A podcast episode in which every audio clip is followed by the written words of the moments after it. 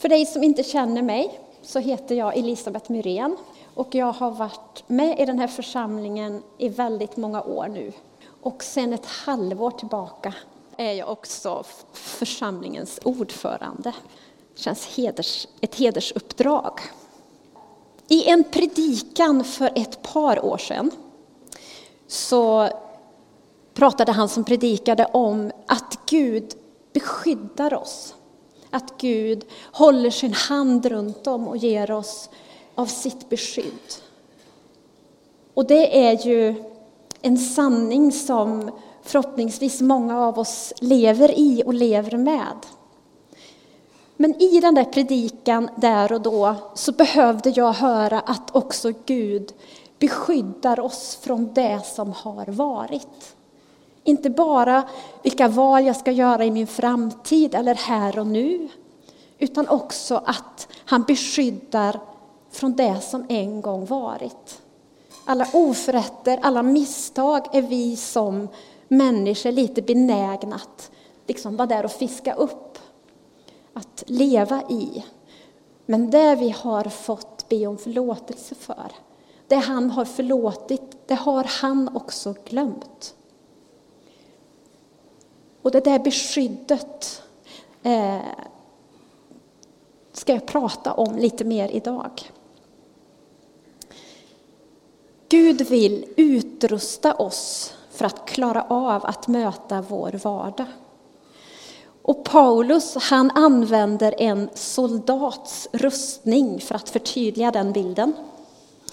Och vi ska läsa ifrån Efesierbrevet alldeles strax. Eh, och det är ett brev som är skrivet av Paulus när han sitter i fångenskap i Rom.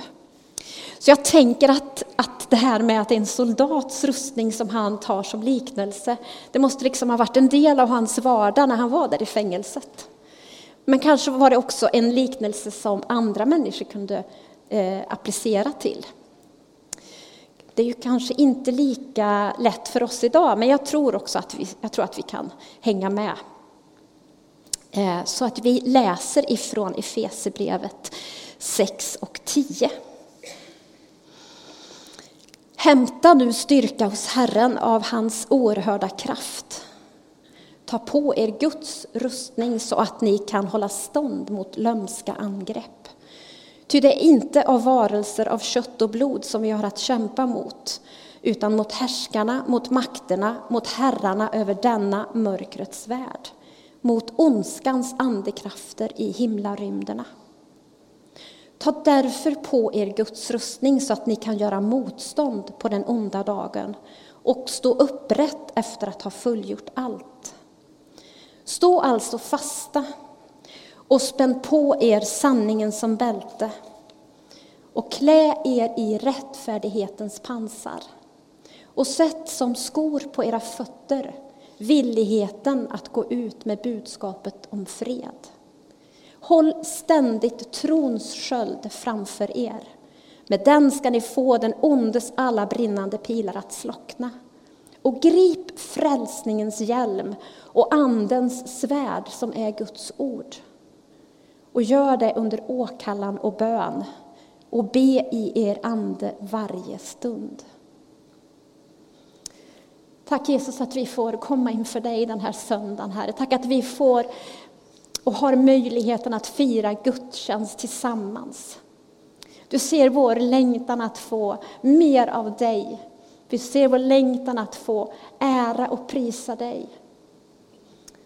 Tack att du är här idag och du, du känner oss var och en och vill möta med oss idag.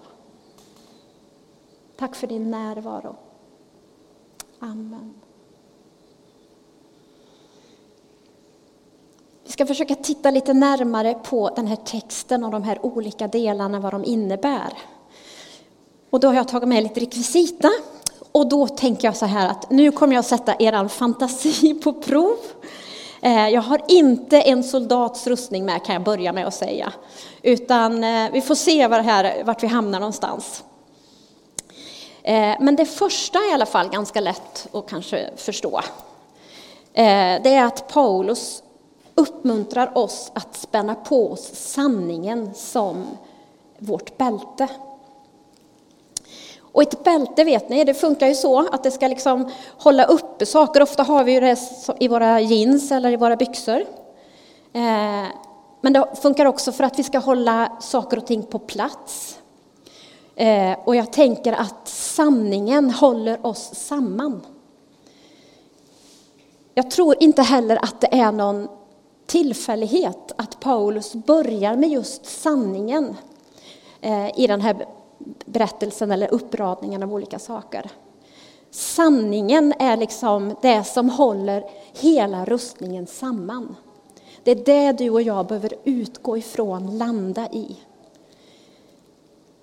Idag är det ju ett enormt nyhetsflöde. Det är olika medier och det är olika influenser och alla människor ska tycka och tänka olika saker. Men hur kan vi förhålla oss till vad som är sant? Eller vad som är förvanskat eller vad som är ren lögn? Men vi kan bara utgå ifrån oss själva. Jag kan sätta på mig sanningen som bälte.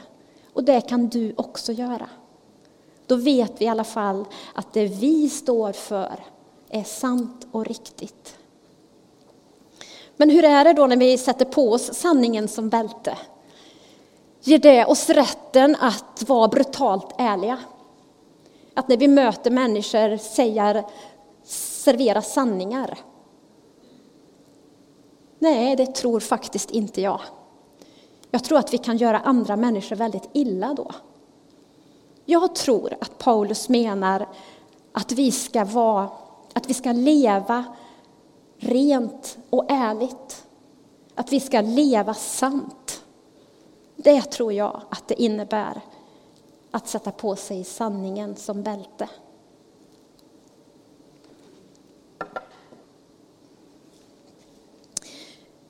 så ska vi också klä oss i rättfärdighetens pansar. Och pansar är ju, till skillnad från det jag har med, ett starkt hölje som ska skydda oss mot angrepp. Pansaret var ett, eh, satte soldaten på sig över eh, lungor och hjärta. Eh, vitala organ som man ville skydda i strid. Och rättfärdighet, det är ju också ett ord som vi inte använder så mycket i vårt dagliga språk. Så vad menas egentligen med rättfärdighet? I Bibeln så finner vi att rättfärdighet inte är en egenskap utan vi finner att det är ett förhållningssätt. Att förhålla sig till andra människor på ett sätt där alla har ett lika värde. Att behandla alla lika. Att vara hederlig. Att göra det rätta. Vara rättvis. Och det handlar om utifrån ett bibliskt perspektiv att göra moraliska och eh, etiska eh, val. Men den yttersta innebörden av rättfärdighet, eh, det betyder att vara fri från synd. Jesus är rättfärdigheten personifierad. Han är den som upprättar när jag gör misstag. Han är den som helar när jag blir trasig. Han är vårt föredöme. Och genom att leva nära honom så kan vi också förbli rättfärdiga. Pansaret skulle skydda vårt hjärta. Och hjärtat är ju vår symbol för, för kärlek, för godhet och för rättvisa. Och genom att leva nära Jesus så kan vi fortsätta att behålla de egenskaperna.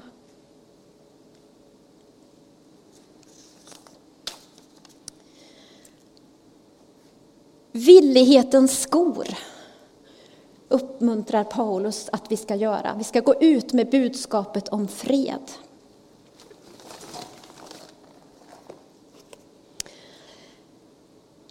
Ja, vi har fått ett uppdrag av Jesus. Att gå ut med budskapet till alla människor. Det glada, de glada nyheterna. Men hur ser dina och mina skor ut? Har vi gått flera mil i hans fotspår, i hans tjänst? Eller står våra skor kvar där i garderoben, nästan oanvända?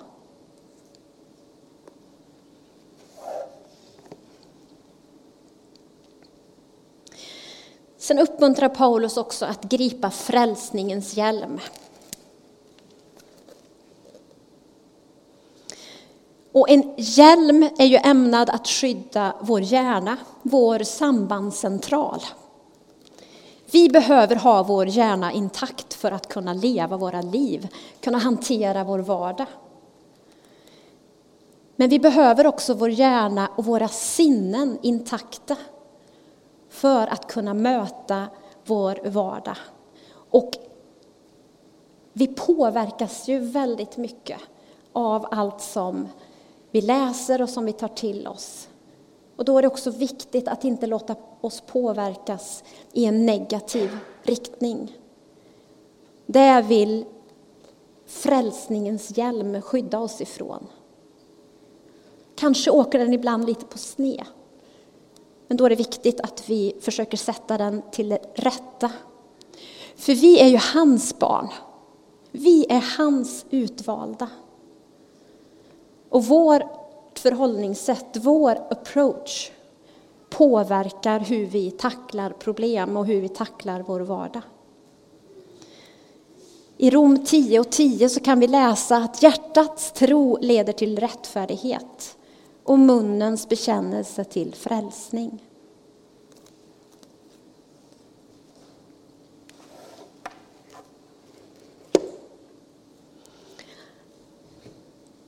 Andens svärd. Ja, det är det enda anfallsvapnet i rustningen.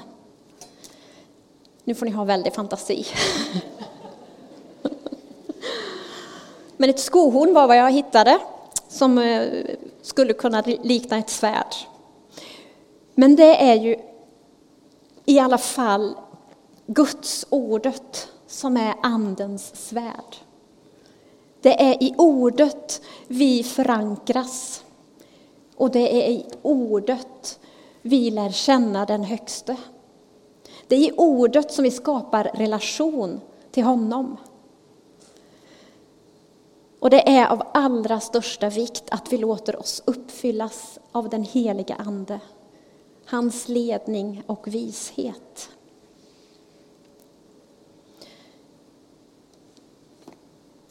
Trons sköld uppmuntrar Paulus att vi ska hålla framför oss. Återigen lite fantasi. En sköld är ju både bärbar och flexibel. Jag tror att eh, dåtidens skölder var också ibland lite tunga. Uppgiften en sköld har är att skydda från skada, att avvärja angrepp.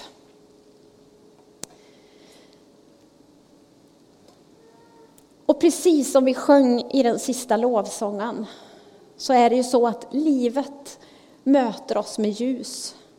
Livet möter oss med sorg. Livet möter oss med mörka tider. Men livet möter oss också med glädje. Det är ju det som är livet. Smärtan, glädje, ljus och mörker.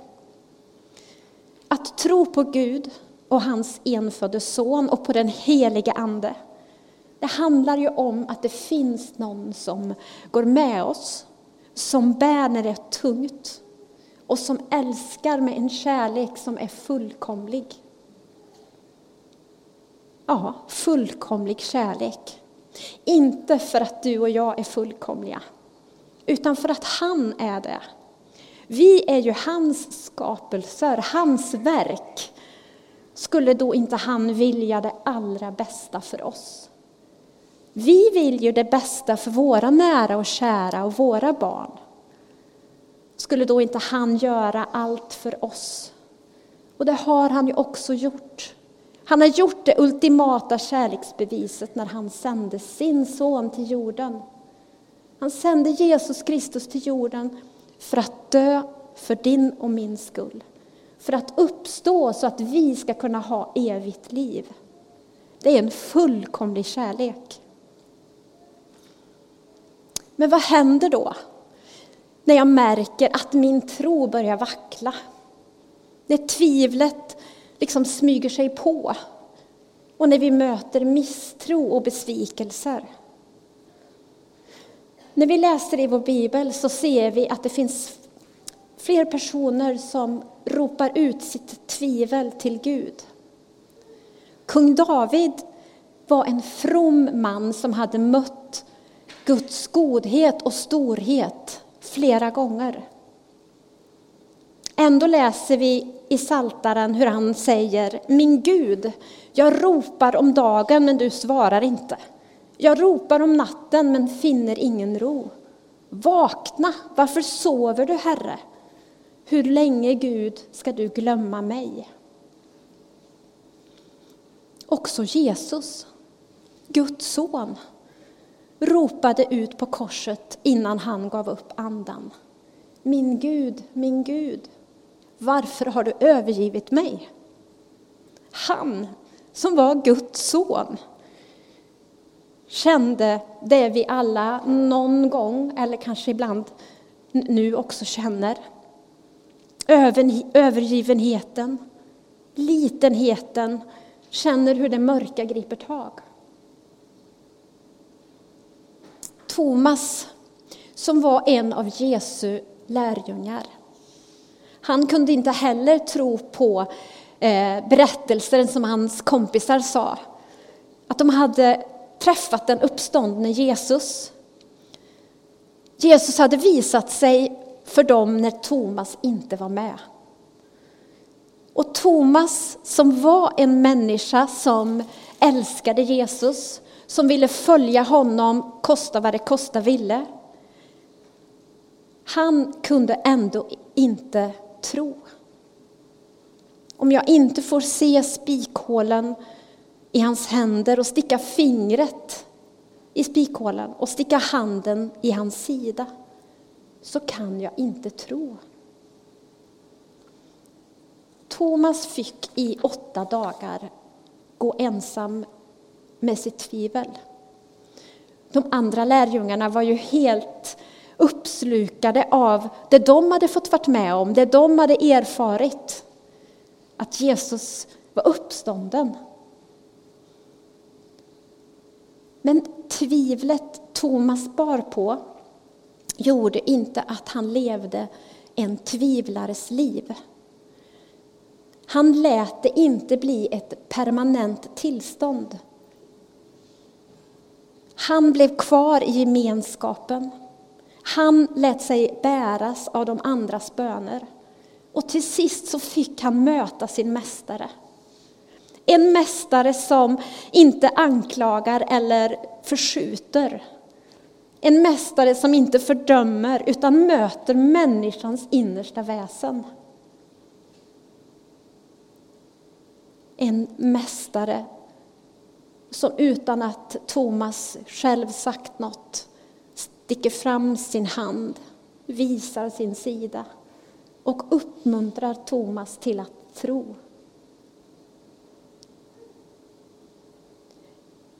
En mästare som såg Thomas för den han var och den tjänst han hade och uppmuntrade också till att fortsätta att tjäna. Vi människor står inför olika val. En del kan vara av en liten karaktär. Ja, men ni vet, vad ska vi äta till mat? Vad ska jag ha till middag idag? Vilka kläder ska jag ha på mig?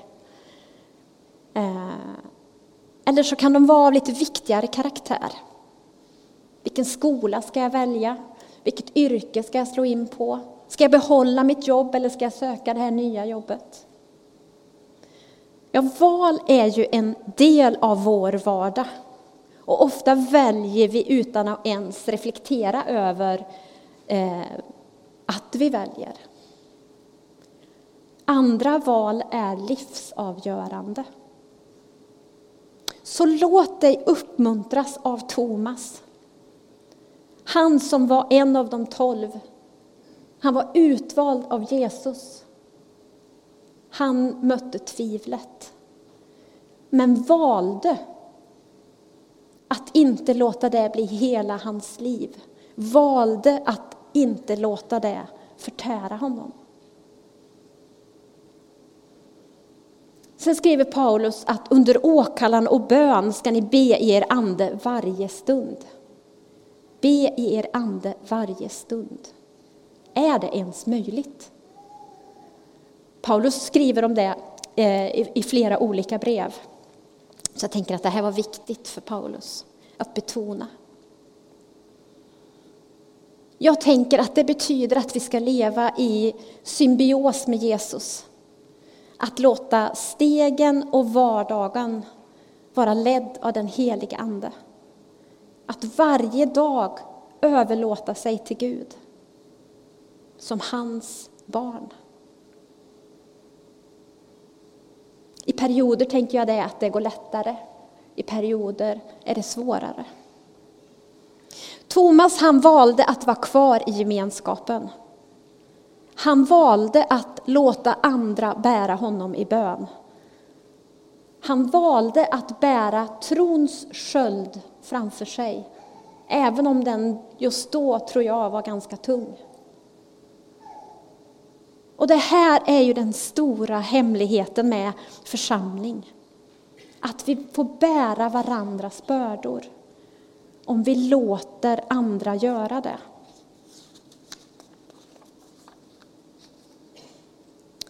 I Efesierbrevet så lyfter Paulus fram just detta, att vi är en familj i Kristus. Att vi är ämnade att leva i harmoni med varandra. Att vi kompletterar varandra för att vi är olika. Vi är alla en del i hans kropp. Och för att kunna fungera, vet ni, så måste man ju ha kontakt med sin hjärna och sitt huvud hela tiden. Det är ju vår sambandscentral. Och det är Jesus Kristus som är vår sambandscentral. Och när jag inte orkar be, så finns det andra som gör det. Och när jag inte orkar bära trons sköld framför mig, så finns det andra som bär den åt mig. När jag drabbas av mörker så finns det andra som bär och kommer med ljus. Detta förhållningssätt är ju ett val. Jag vet att det finns människor i den här församlingen som varje dag ber för vårt barnbarn. Så otroligt stort att man saknar ord. Vi har berättat för dem om lilla Liv. Men de har valt att bära henne och därmed oss fram i bön inför den högste. De har valt att ta av sin tid för att be för vårt barnbarn. De har valt att bära trons sköld åt oss. Men om inte vi hade delat den bördan med dem, då hade ju inte de kunnat be.